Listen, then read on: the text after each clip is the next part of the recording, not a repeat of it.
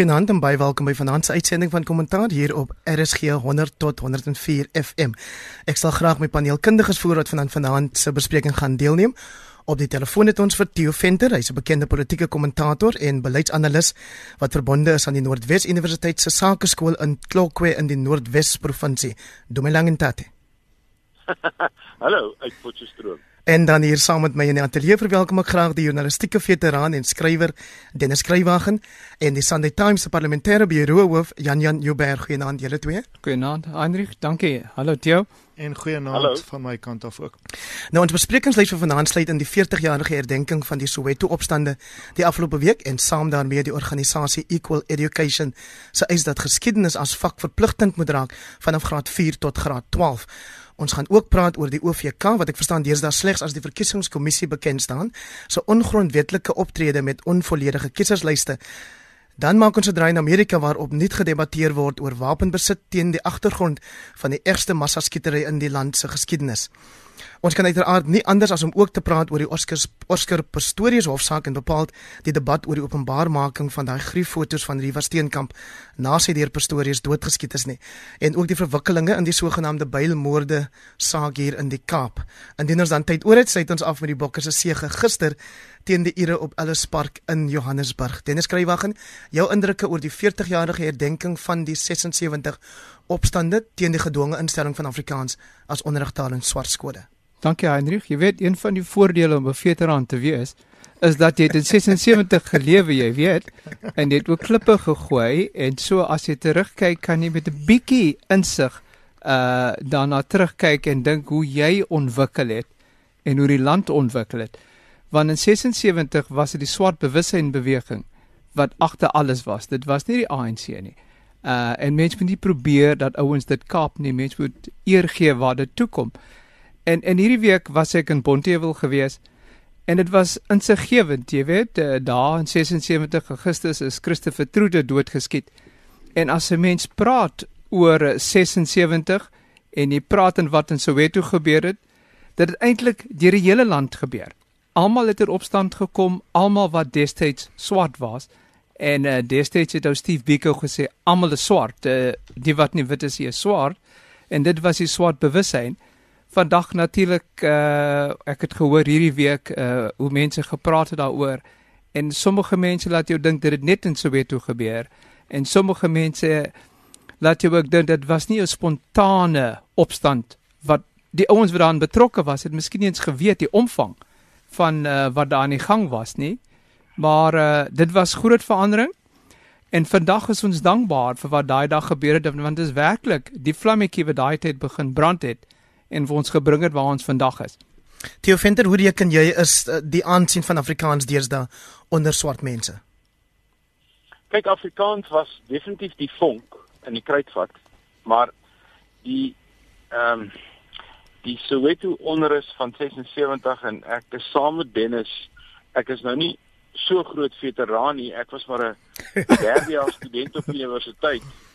En en ek het bietjie daaroor geskryf die week en en swaar vir belydenis dat ons het geweet dit gebeur ons was bewus van al die goed waar ek gestudeer het aan die destydse ou uh PU vir CAO maar ek dink nie ons het besef dat dit 'n ingrypende grensverskuivende gebeure is wat die toekoms van die land van daar af bepaal het nie. Want in 'n sekere sin was die was die Soweto onder 'n saamtrekpunt van 'n klomp goed wat saam in daardie tyd gebeur het. Dis hoekom ek dink die Afrikaans is belangrik, maar byvoorbeeld die Erika Toren kommissie wat in daai selfde jaar plaasgevind het, was net so belangrik en het meer aksente gekry as gevolg van wat in Soweto en en Dennis is heeltemal reg.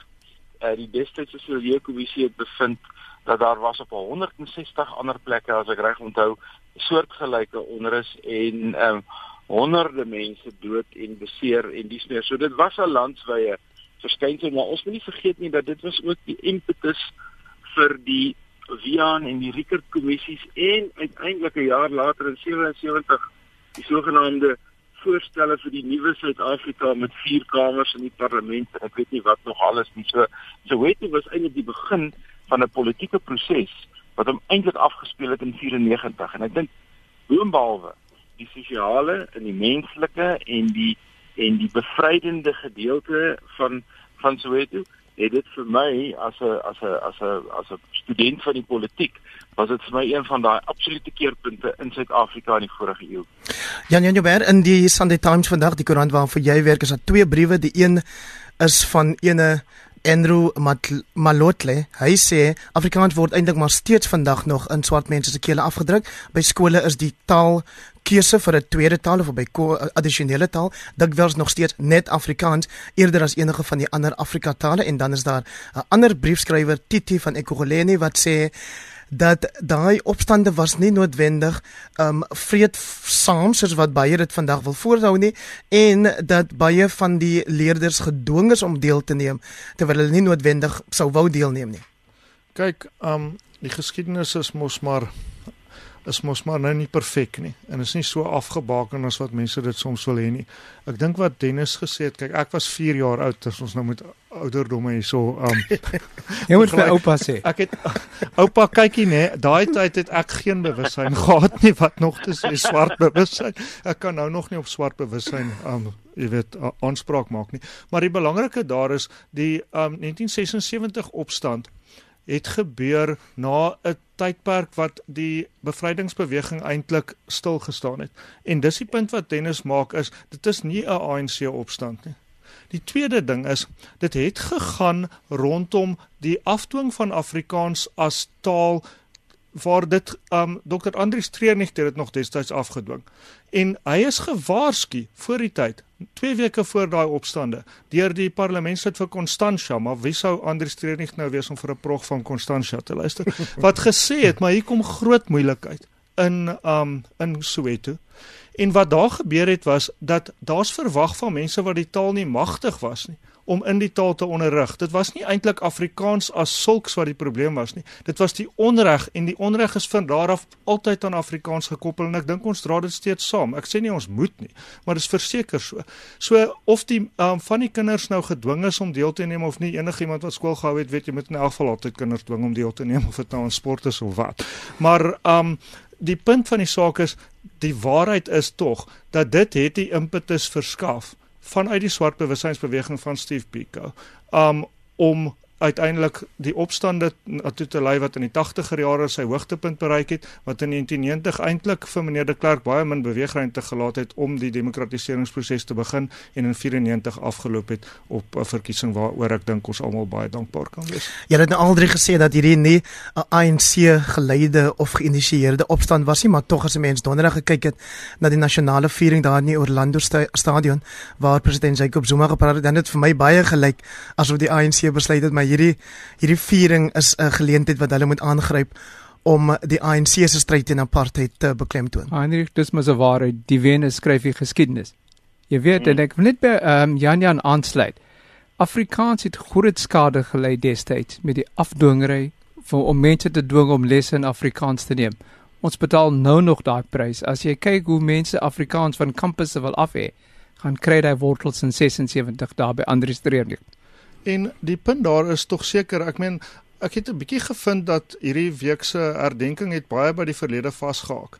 Maar as ek nou kon dink, wat is dit wat ons nou daaruit kan leer? Is tog sekerlik dat 'n regering moenie uitvoering raak met sy mense nie. En 'n regering kan nie ideologie in die pad laat staan van regverdigheid nie.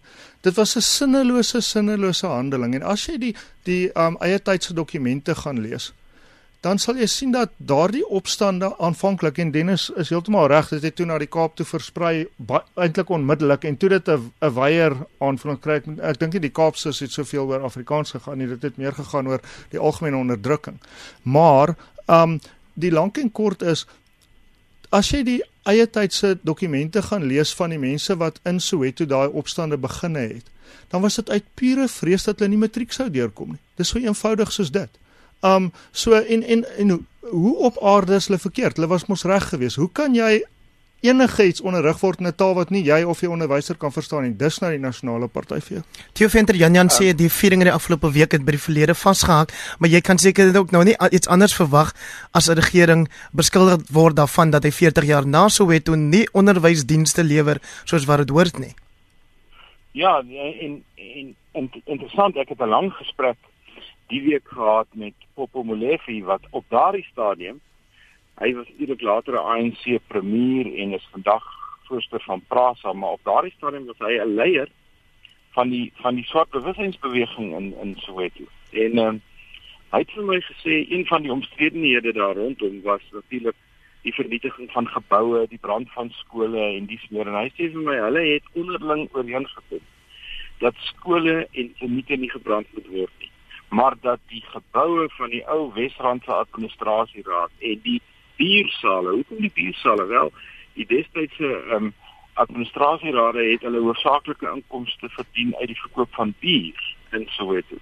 Dit was alles absolute wettige tekens gewees vir onrus. So daar het ehm um, daar het vernietiging van eiendom plaasgevind, ja. geen twyfel nie. Maar as jy sou spring na vandag toe en ek dink die relevante vraag is deur uh, Jan Jan in 'n sekere sin aangespreek. Jy sê hoe reageer jy op hierdie soort onrus? Of dit nou oor Afrikaans gaan of dit oor dienste gaan, hoe reageer jy? Wel die grootste fout is om dogmaties te reageer of in terme van 'n ideologie. Jy reageer op 'n buigsame manier. Jy vra na die meriete van die saak en jy hanteer dit op daai wyse, maar om hardhandig op die probleem af te kom met 'n dogma of 'n ideologie wat uitgedien is is gewoon net nog meer moeilikheid en nie minder moeilikheid. Dit is skryf op sosiale media vir al hierdie week was daar ook um die die bekommernis uitgespreek of dan kritiek liewer dat bruin mense se deelname aan hierdie opstande in 76 skynbaar onderspeel word as jy kyk as jy kyk word na die nasionale vieringe of die die prentjie daarvan wat sê jy? Dis inderdaad so. As jy kyk na die Weskaap uh in 76 het alles by IWK begin. Daar was massa vergaderings. Studente is van UWK af uitgestuur na hulle tuisdorpe om mense uh te konsentreer om 'n Engelse woord te gebruik om wat aangegaan het van die groot geeste in die in die politiek het daai tyd uh, van UWK gekom. Cyril Carolus was daar, uh Johnny Issel was daar. So ja, dit dit dit kom daarop neer daai tyd was almal swart maar vandag is daar bruin wat nie swart is nie en daai rol is weg. Theo Venter het vroeër ook verwys na die Erika Tron kommissie dis aangestel in die vroeg 70 jare om na die lot van bruin mense ondersoek in te stel en die verslag is 3 dae na Soweto plaasgevind het aan die regering oorhandig. Ons weet almal dat meeste van wat hy verslag gesê het is van die tafel afgevee deur die regering. Wat reken jy kortliks is die historiese waarde van daai verslag? O, dit was 'n verskriklike belangrike verslag. Dit was 'n verslag wat wat eintlik dit gedoen het wat ek net nou gesê het. Hy het na die meriete van die probleem gekyk. En onthou die die groot vraagstuk was eintlik die NP was besig met die kaping van die breingemeenskap gemeenskap vir politieke redes en dis meer en dis meer terwyl staatskaping nou so 'n nuwe populêre woord is. En Erika Tron het ehm um, uh, indringende ondersoek gedoen en gesê dit is nie die manier om dit te doen nie. En die ja. feit dat die regering uh, die Erika Tron kommissie van die tafel gevee het en net selektiewe aanpassings gemaak het daarvan dink ek het twee het daar twee goed gebeur. Die een was die hardhandige houding waarin die regering op daai stadium was natuurlik um, met John Foster aan die hoof en en sy hele sy hele manier van regeer. En 'n tweede ding was dat daar het toe in in in in reaksie op die Erika Tronse kommissie het die Wes-Kaapse Nasionale Party indringende vrae begin vra en dit was destyds die Kaapse Nasionale Party was baie groter en uiteindelik die val van John Foster kan vandag meer gemeet word aan wat daar gebeur het as wat dit die Mulder gate was van daardie tyd. Mm -hmm. Jy sal onthou dat ehm um, van 76 tot 77 was intense jare die Suid-Afrikaanse politiek en hoe nou al die politieke onrus en alles wat daarmee gepaard gegaan het was dan nou nog die citizen skandaal waar ja. Connie Mulder die hoofspeler was. Goed, so kom ek goed het uiteindelik gemaak dat dat TV Botha deur en na die Erika Tron kommissie na vore getree het. Ons het duidelik baie meer tyd nodig om om hierdie hierdie storie te bespreek. So ek is jammer dat ek in die rede val ehm uh, Theo, maar kom ek vra gou vir Jan Jan Joubert, oud onderwyser, geskiedenis as 'n verpligte vak vir haar equal education, wat sê jy? Ehm um, ja, mits dit gedoen word soos wat die ANC dit aanvanklik wou doen en nie soos ek vrees die regering is nie altyd die ANC wat verkeerd is nie, is nog dikwels ook die staatsdiens. Staatsdienste is maar taai goed. Ehm um, maar ons moenie een weergawe van die geskiedenis leer nie. Ons moet die kinders vertrou om self hulle besluite te kan maak. Um daar is nie net een weergawe van die geskiedenis nie, daar's nie een weergawe van die toekoms, die hede of die verlede nie. Ons moet ons kinders vertrou. Is jy in beginsel ten gunste daarvan? Natuurlik, ek was 'n geskiedenisonderwyser. Ek kan nie glo dat enige iemand dit nie kan neem nie. Sulke mense is basies ongeletterd. Jy luister na kommentaar saam met my, Hendrik Weingart en my paneel vanaand, Dennis Kruiwagen, Jan Jan Joubert en Theo Venter. Nou wanneer die geskiedenis van plaaslike verkiesings in die na 94 era die dag opgeteken word, Theo Venter sal 'n ongetwyfeld verwysing wees na die rol wat die gebeure in die Klokwe munisipaliteit gespeel het in die wyse waarop die kolleg tans op die verkiesingskommissie se prosesse geplaas word. Geef ons kortliks die agtergrond oor die uitspraak dat die adreslyste fiasco van die verkiesingslyste um ongrondwettig is soos wat die hof bevind het. Kyk kortliks sê die die konstitusionele hof 'n baie moeilike ding gehad om oor te besluit. Hulle moes besluit oor die status van die kieserslys in die teen die agtergrond van artikel 16.3 van die verkiesingswet. Met ander woorde dat jou adres en jou naam en jou ID-nommer moet alles saam op die kieserslys verskyn. En sedert 2003 het die OVK dit ooglykend nie gedoen nie.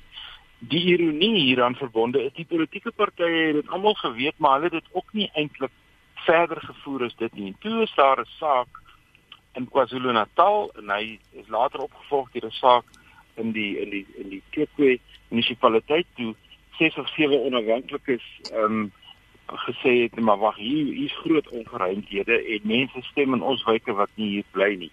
Daai saak het uiteindelik gelei tot die uitspraak wat ons Dinsdag gehoor het waarin die konstitusionele hof 'n uitspraak gegee het, 'n meerderheidsuitspraak en twee minderheidsuitsprake. Nou die minderheidsuitsprake is nie verskriklik belangrik nie behalwe dat hulle nog strenger aksie teen die OVK wil hê as wat die meerderheids um, uh uitspraak was. En kortliks kom dit daar neer dat die hof sê ons het nie 'n keuse as om maar toe te laat dat hierdie verkiesing op die 3 Augustus moet plaasvind met 'n gebrekkige kieserslys en dat ehm uh, want ons kan nie die verkiesing uitstel nie want dit is 'n konstitusionele verpligting waar hulle die OVK in 'n sekere sin op 'n baie baie streng ehm um, roete geplaas om te sê hoe moet hulle die kieserslys nou beter maak?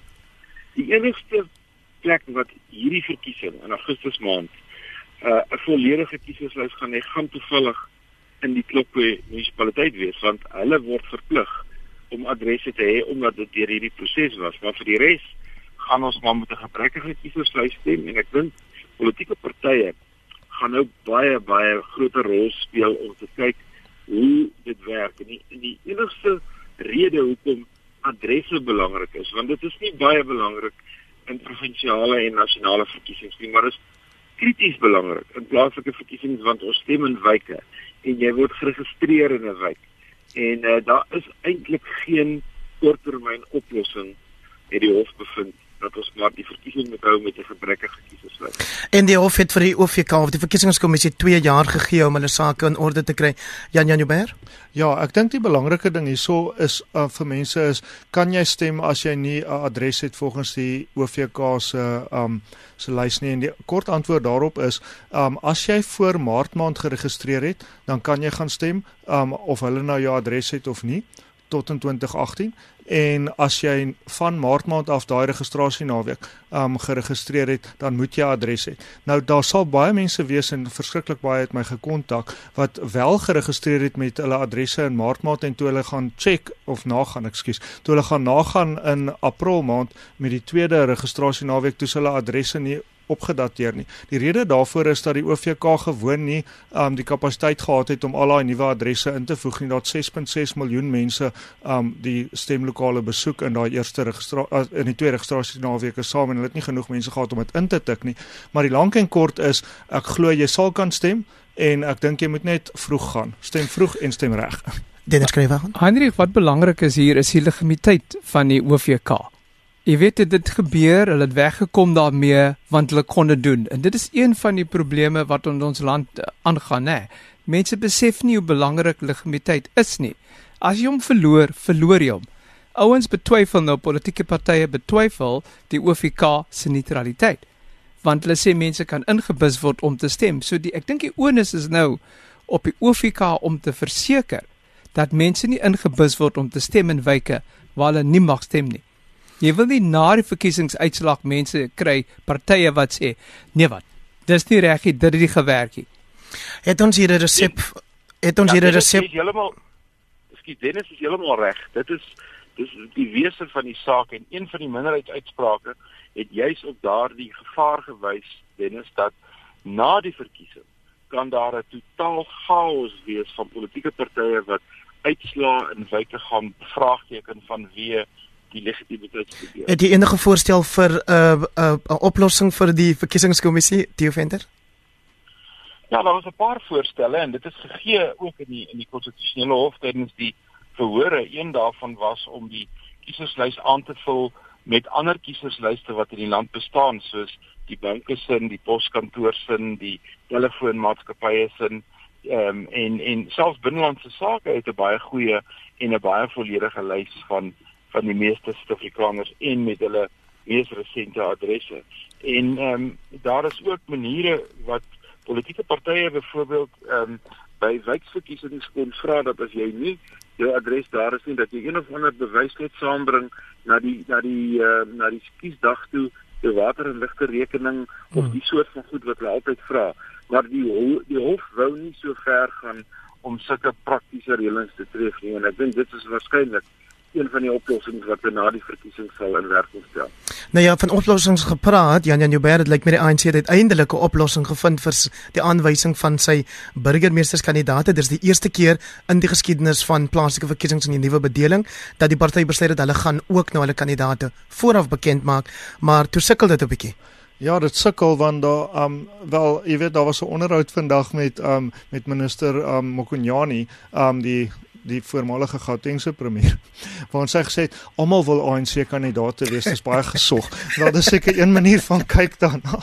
Ehm um, so ehm um, ja, hulle het probleme omdat hulle faksies het en die rede daarvoor is gewoon dat hulle is so sterk in baie gebiede, byvoorbeeld in die eThekwini Raad in Durban, dat hulle kan bekostig om faksies te hê. Ek bedoel hulle kan nie in die Kaap wel hulle is skaars hier so teenwoordig, maar um, jy weet in die Kaap byvoorbeeld het hulle nie daai luukse nie want want hulle moet van van onder af baklei en Tshwane is hulle absoluut op 'n mespunt en in Port Elizabeth. So um, maar maar daardie tipe van stryery waaroor um, waaroor ons praat wanneer ons sê dat dat jy weet dit werk nie so lekker nie is meer in die rade waar hulle baie baie sterk is. Ek wil egter net een ding byvoeg, ekskuus, op wat Theo gesê het. En dit is dat ek is besig om in die Afrikaanse gemeenskap 'n ding op te tel dat ons hierdie ding van kieserslyste nou te ingewikkeld maak. Mense moet net gaan en gaan stem. En hulle moenie nonsens vat as hulle as hulle weggewys word nie, maar dit is nie heeltemal so ingewikkeld nie. Op die ou end gaan jy kan stem as jy op die kieserslys is. Die probleem hierso is intussen verkiesings wanneer mense ingebus kan word en wanneer kieserslyste verander kan word. Hulle kan in elk geval nie meer verander word nie. So moenie te bekommerd wees nie. Gaan net en gaan stem. Dennis skrywer, jy het nog gehoor verwysing na die Weskaap. Dit is sodat dinge maar erg die mekaar is hier met die leier byvoorbeeld Marius Fransman teen wie die saak van seksuele teistering nou weer heringestel is en en en in in takke en so aan. Ehm um, die mekaar speel daarso. Wat dink jy is die party se kanse? Hendrik net 'n klein korreksie, die daai saak is heringestel nie. Dit is net verwys na 'n ander provinsie, nê, om daarna te kyk. En uh, ek dink ek mag saamstem met uh, Fransman se prokureur dat as die een provinsie se uh, dit afgekeur het, uh, dan dink ek ek betwyfel of dit 'n ander provinsie dit gaan goedkeur. Ek aanvaar dit so, maar wat sê Maar is dit die daar implikasies verlaat. daarvan in elk geval vir die party se kanse? Hendrik, dink dink jy alles te Kutse sal die Springbokke sonder 'n kaptein in die veld stuur? Dis my antwoord. Hier gaan die A- die ANC gaan sonder 'n kaptein in die veld en het 'n waarnemende leier en ho hoewel ek groot agting vir die waarnemende leier het, is hy nie die leier nie. Jy weet? Uh so ek dink die ANC, die DA sal baie goed opdreef. Hulle, hulle program werk goed, die ander partye se programme werk goed. Die ANC moet nou van agteraf inhaal, jy weet, dis dis soos om in 'n wedloop deel te neem. En daar die ouetjies al ver voor jy en jy het hierdie pistool gehoor wat die wedren begin nie. Hmm. So dis waar die ANC is. Ek ek dink hulle gaan inhaal nie. Ek ek ek betwyfel dit. Theo Venter, kan ek jou vra om net kortliks hierop te reageer? Ek sien die EFF, daar's baie vroeë natuurlik 'n vroeë in die vroeë stadiums, maar ehm um, die word reeds geposisioneer lyk dit my as kroonmaker in 'n paar van die ten minste van die metrorade in die land.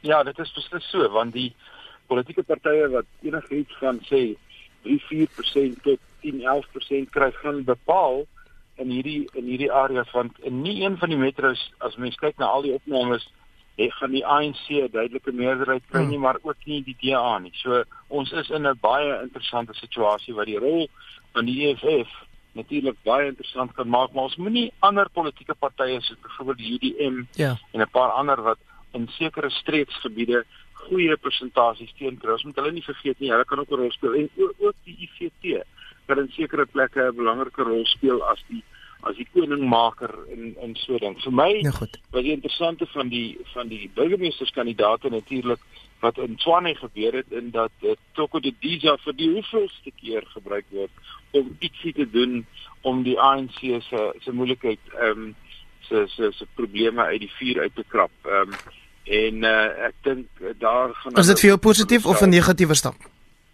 Maar ek dink 'n positiewe stap want dit is een van die een van die ANC lede wat daarom nou al 'n 'n belangrike rekord opgebou het en en was al 'n minister Ja. uh en en dis meer so sy's baie bekwam maar ek dink dis 'n teken van faksies en dit is die ondergang van die ANC. Nou goed, met die horlosie nou op 26 minute oor 8 verskuif ons ons fokus na Amerika waar ons verlede naweek aanskou hoe 50 mense in 'n nagklub deur 'n vermeende simpatiseerder van die terreurgroep ISIS of Islamitiese Staat doodgeskiet is. Dit het opnuut vonk aan die debat verskaf oor wapenbesit in Amerika, maar dit het ook Jan Jan Joubert aanleiding gegee daartoe dat die regte van gay of LGBT mense en die gebruik van die term radikale islam onder die loep kom. Dis 'n mondvol maar ek vra jou om oor al drie kortliks iets te sê. Doodreg. Um kyk, eerstens kom ons kom ons um erken 'n punt wat baie mense nie wil erken nie. Dit gaan hier in 'n groot mate oor gay regte. Daardie mense wat in daardie nagklub was, het niemand se regte benadeel nie. Um hulle was nie in enigiemand se pad nie en hulle het heeltemal die goeie reg gehad om daar te wees. Die haat wat daar steeds is teen mense se konsep van geluk waar dit van die konvensionele afwyk is vir my baie hartseer en ek dink eerlikwaar die liefdesgebod in die Christelike geloof behoort hierso 'n bietjie sterker deur te kom. Um tweedens dan oor radikale islam. Ja, dit dit is 'n problematiese ding want dit word nou 'n tipe van 'n van 'n van 'n is iets wat jy iemand omhang. En die punt daar is dat mense soos die verregses wat nou die um boetoond voor in die Republikeinse party Donald Trump by name gebruik dit om eintlik rassehaat aan te wakker en godsdienshaat aan te wakker. So dit is egter ook so en ons sien dit in ons eie land dat dit belangrik is vir gematigde moslems om hulle self tog met groot gebaar en en duidelik um te distansieer van hierdie tipe van van van verkeerdheid. En dan die laaste en en miskien vir Suid-Afrika belangrikste punt is die kwessie van wapenbeheer of dan um gun control soos wat hulle sê. Um dis vir my skokkend dat jy in Amerika gewere kan koop in 'n supermark. Maar in ons land het jy 'n groot klomp mense wat weier om te aanvaar dat wapenbeheer of die gebrek daaraan in Amerika deel van die probleem is. As daardie man nie met sy agtergrond behoort hy glad nie 'n wapen te kon gekoop het nie. In ons land sou hy ook baie gesukkel het om dit in elk geval wettiglik te doen. So ek dink Amerika moet 'n punt bereik waar hulle besef dat hierdie tipe van massamoorde is besig om meer en meer uh, plaas te vind. Hierdie is die ergste een, maar is nie die enigste slegte een in die afgelope paar jaar nie.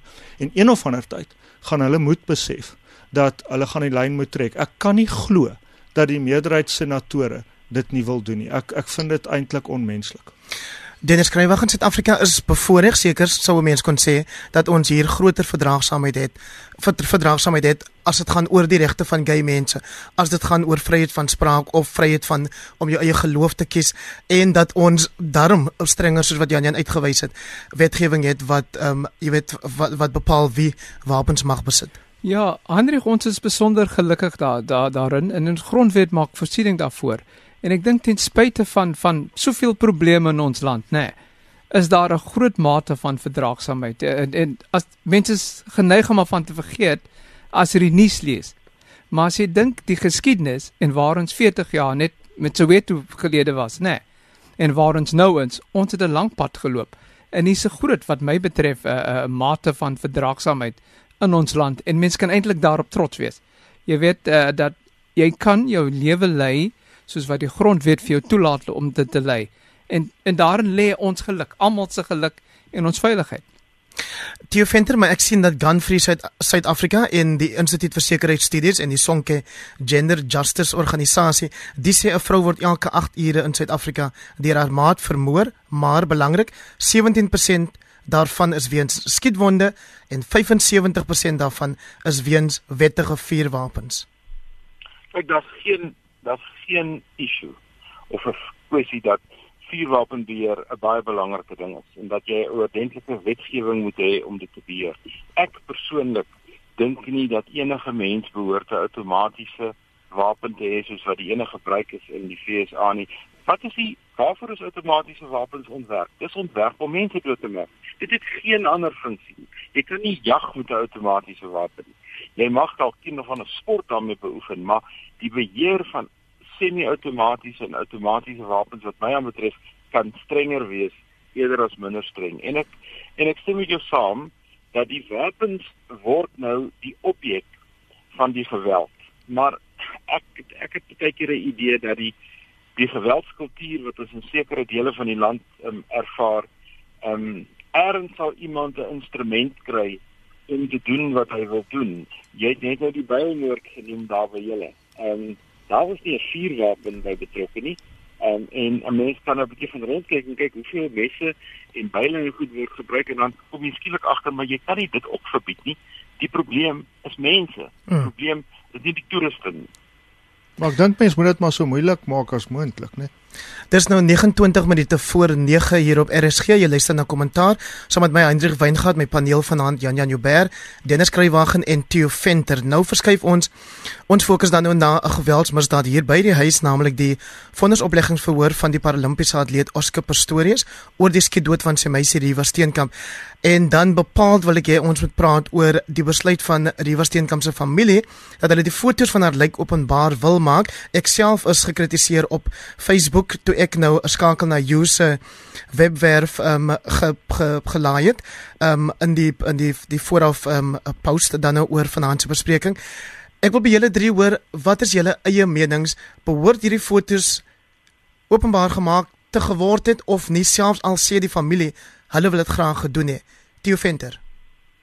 Nee, ek ek dink nie dit het enige positiewe rol om dit openbaar te maak nie. Ek dink die Oscar Pistorius saak spesifiek het soveel aandag gehad dat dit nie meer nodig is nie. Ehm um, en uh, ek is ek is self gekant.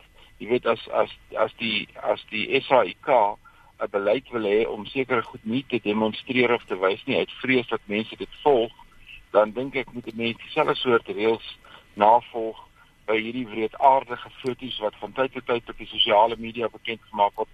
Ek hou niks daarvan. Wat het jy gedink van die feit dat die verdediging besluit het om vir Oscar op sy stompies in die hofsaal te laat loop? Ek dink dit was net so goedkoop skoot as die publisering van die foto's. Jan Jan Joubert? Ek dink daarin lê die hele verhaal, ja. Ek ek dink die um Steenkamp familie en ek dink almal praat namens almal hierso in 'n mens moenie, maar ek sou dit kon verstaan as die Steenkamp familie dink dat daar baie mense in ons land is wat die moordenaar Oscar Pistorius tot slagoffer maak. En miskien het hulle gedink dit sal 'n goeie teenreaksie wees dat mense onthou hier's iemand dood want dit lyk of dit nooit ter sprake kom nie. Maar um, ek was baie bly dat soveel eintlik al die ordentlike koerante in ons land um, besluit het om dit nie te publiseer nie en ek was baie verlig dat die Sunday Times een van hulle was wat dit nie deel, deel jy daai waarde oordeel eh, Dennis Skrywagen ja ek deel daai waarde oordeel ek het ek het ook gedink daar dit was 'n reaksie op die stompies in uh in die stompie lopery as 'n mens so kan stel. En ek dink dit was om die rekord miskien te balanseer. En uh, nee wat ek wil nie daai daai gruwelike foto sien nie. Ek self het dit daarna gaan kyk nie. En ek stem saam met Jan Jan. Ek is bly dat soveel koerante dit nie gebruik nie. Oscar Pistorius word natuurlik nog gekritiseer dat hy met 'n Britse TV-kanaal ITV 'n onderhoud gedoen het, maar nie bereid was om in die hof sy weergawe van die gebeure te gee nie. Kan ek jou vra Jan Jan Joubert jou indrukke daaroor? Ja, dit is om die minste te sê um verrassend en sekerlik vir mense taamlik ongeloofbaar dat 'n mens gemaklik genoeg is om op televisie te praat maar nie in die hof nie. Mense moet maar hulle eie besluite neem. Ek dink dit is so duidelik soos daglig wat daar gebeur het. Ek dink dit is so duidelik soos daglig wat sy verdedigingsplan is en die staat probeer hom natuurlik skuldig bevind. Maar um daai stompie lopery wat ek saamstem absoluut 'n goedkoop goedkoop um tipe handeling was, is 'n poging om simpatie te werk vir iemand wat deur 'n toedeur vir 'n vrou wat geen verdediging gehad het nie doodgeskiet het met vele skote. Um of hy dit van sy stompies afgedoen het of wat ook al hy was deksels effektief. Theo Venter die forensiese deskundige professor of emeritus professor Dion Knobel skryf dan op Facebook dat jy weet jy het nou met verwysing na hierdie um vertoon van Oscar op sy stompies dat ehm um, dit word nou gebruik om simpatie dalk vir hom te wen, maar op die aand van die gebeure toe hy hom verbeel het daar's 'n aanvaller in die badkamer, het dit hom nie gekeer om die gevaar te gemoed te loop nie. Ja, en uh, ek dink um, Janja het dit ook um, in soveel woorde gesê, ehm um, sy optrede kan nie goed gepraat word nie. Hy gaan 'n lang vonnis skry en ek dink sy verdedigingsspan. Kyk, ons sien nou vir die eerste keer uh eintlik op 'n dag tot dag manier van verlede jaar af hoe hofsaake ontplooi. Sy span dink ek het nou alles in hulle vermoë gebruik om te kyk of hulle hom nie miskien uh 'n verminderde hoeveelheid ehm um, jare in die tronk kan kry nie en ek dink hulle veg met alles tot hulle beskikking op hierdie stadium. Ja, Dennis gaan die Springbokke het toe gister wel 'n oorwinning kon behaal teen die Ire terwyl dit gelyk het vir 'n groot deel van die wedstryd dat dit nie moontlik gaan wees nie. Jy is ook die skrywer van The Beds wat 'n boek is oor die geskiedenis van die Springbok embleem. Het ons nou rede om ons kop omhoog te hou? Luister Hendrik, ons het altyd rede om ons kop hoog te hou al wen of ons verloor is wanneer ons speel vir die land. En dit is my uitgangspunt. Hmm. Ehm uh, en en nou dat ons een span het, ons almal kan skryf vir daai een span. Ek hou my kop hoog of hulle nou verloor. Ek is sommige dae skaam hoe hulle verloor, maar dis nog steeds my span. Theo Theo Venter jy, jy het vroeër gesê voor ons op die lig gekom het, as jy die Lions laat speel dan sal dit so so goed gaan soos gister. Ja, jy weet ek is nie 'n Lions ondersteuner nie. Vir my om te sê dankie vir die Lions is eintlik 'n baie baie groot ding om te doen, maar ek dink wat gebeur het, twee goed staan vir my uit dat ehm um, die Springbok afrigter kon op die regte tye die regte veranderings maak. Dit is 'n baie belangrike ding. Ek gee nou nie om wie hy opgestuur nie, maar hy kon die regte veranderings maak en dis dis jy weet dis Ek, ek dink Ashwin Williams sal baie bly wees om dit te hoor, maar ek weet nie of Nick Mallet met jou gaan ja. saamstem nie. nee, maar ek sê net jy altyd met Nick Mallet saam. So die die hy die regte afrigting maak en ek dink jy weet wanneer mense so diep in die moeilikheid is en jy neem die regte keuses, mhm. dan maak dit vir jou deure oop na volgende wedstryde waar jy met groter gemak en met groter selfvertroue moeilike besluite kan neem. En dit is ook 'n verhaal vir ons land, nê? Nee? Ons is altyd in hierdie moeilike situasies en dan neem ons tog op 'n manier die regte besluite. Nee, kyk, ek stem saam met Dennis. Um ons span is ons span. Um jy weet jy hoor vreeslike weeklag en ek meen laasweek was daar vreeslik baie mense wat die week baie stil is, was laasweek baie uitgesproke. Maar daar's een ding wat mense wat transformasie in sport um kritiseer vergeet en dit is dat dit is ons paspoort tot wêrelddeelname. En so is vanaand se 40 minute van kommentaar ook daarmee heen. Dankie vir almal wat gedeeld terugvoorgee en onthou dat jy die potgooi van die program vroegweek kan aflaai by rsg.co.za of dan van my Facebookblad af. Ek bedank graag my paneel van vanaand. Die laaste stem wat julle gehoor het was Jan Jan Joubert. Hy is die Sunday Times parlementêre bureau hoof. En dan saam met hom hier in die ateljee was Dennis is Dennis Kruiwagen. Hy is 'n skrywer en joernalis. En dan op die telefoon het ons gehad die staatmaker Theo Venter van die Noordwes Universiteit se sakeskool baie dankie aan julle al drie. Ek is Hendrik Weingart en ek wens jou 'n fantastiese week toe.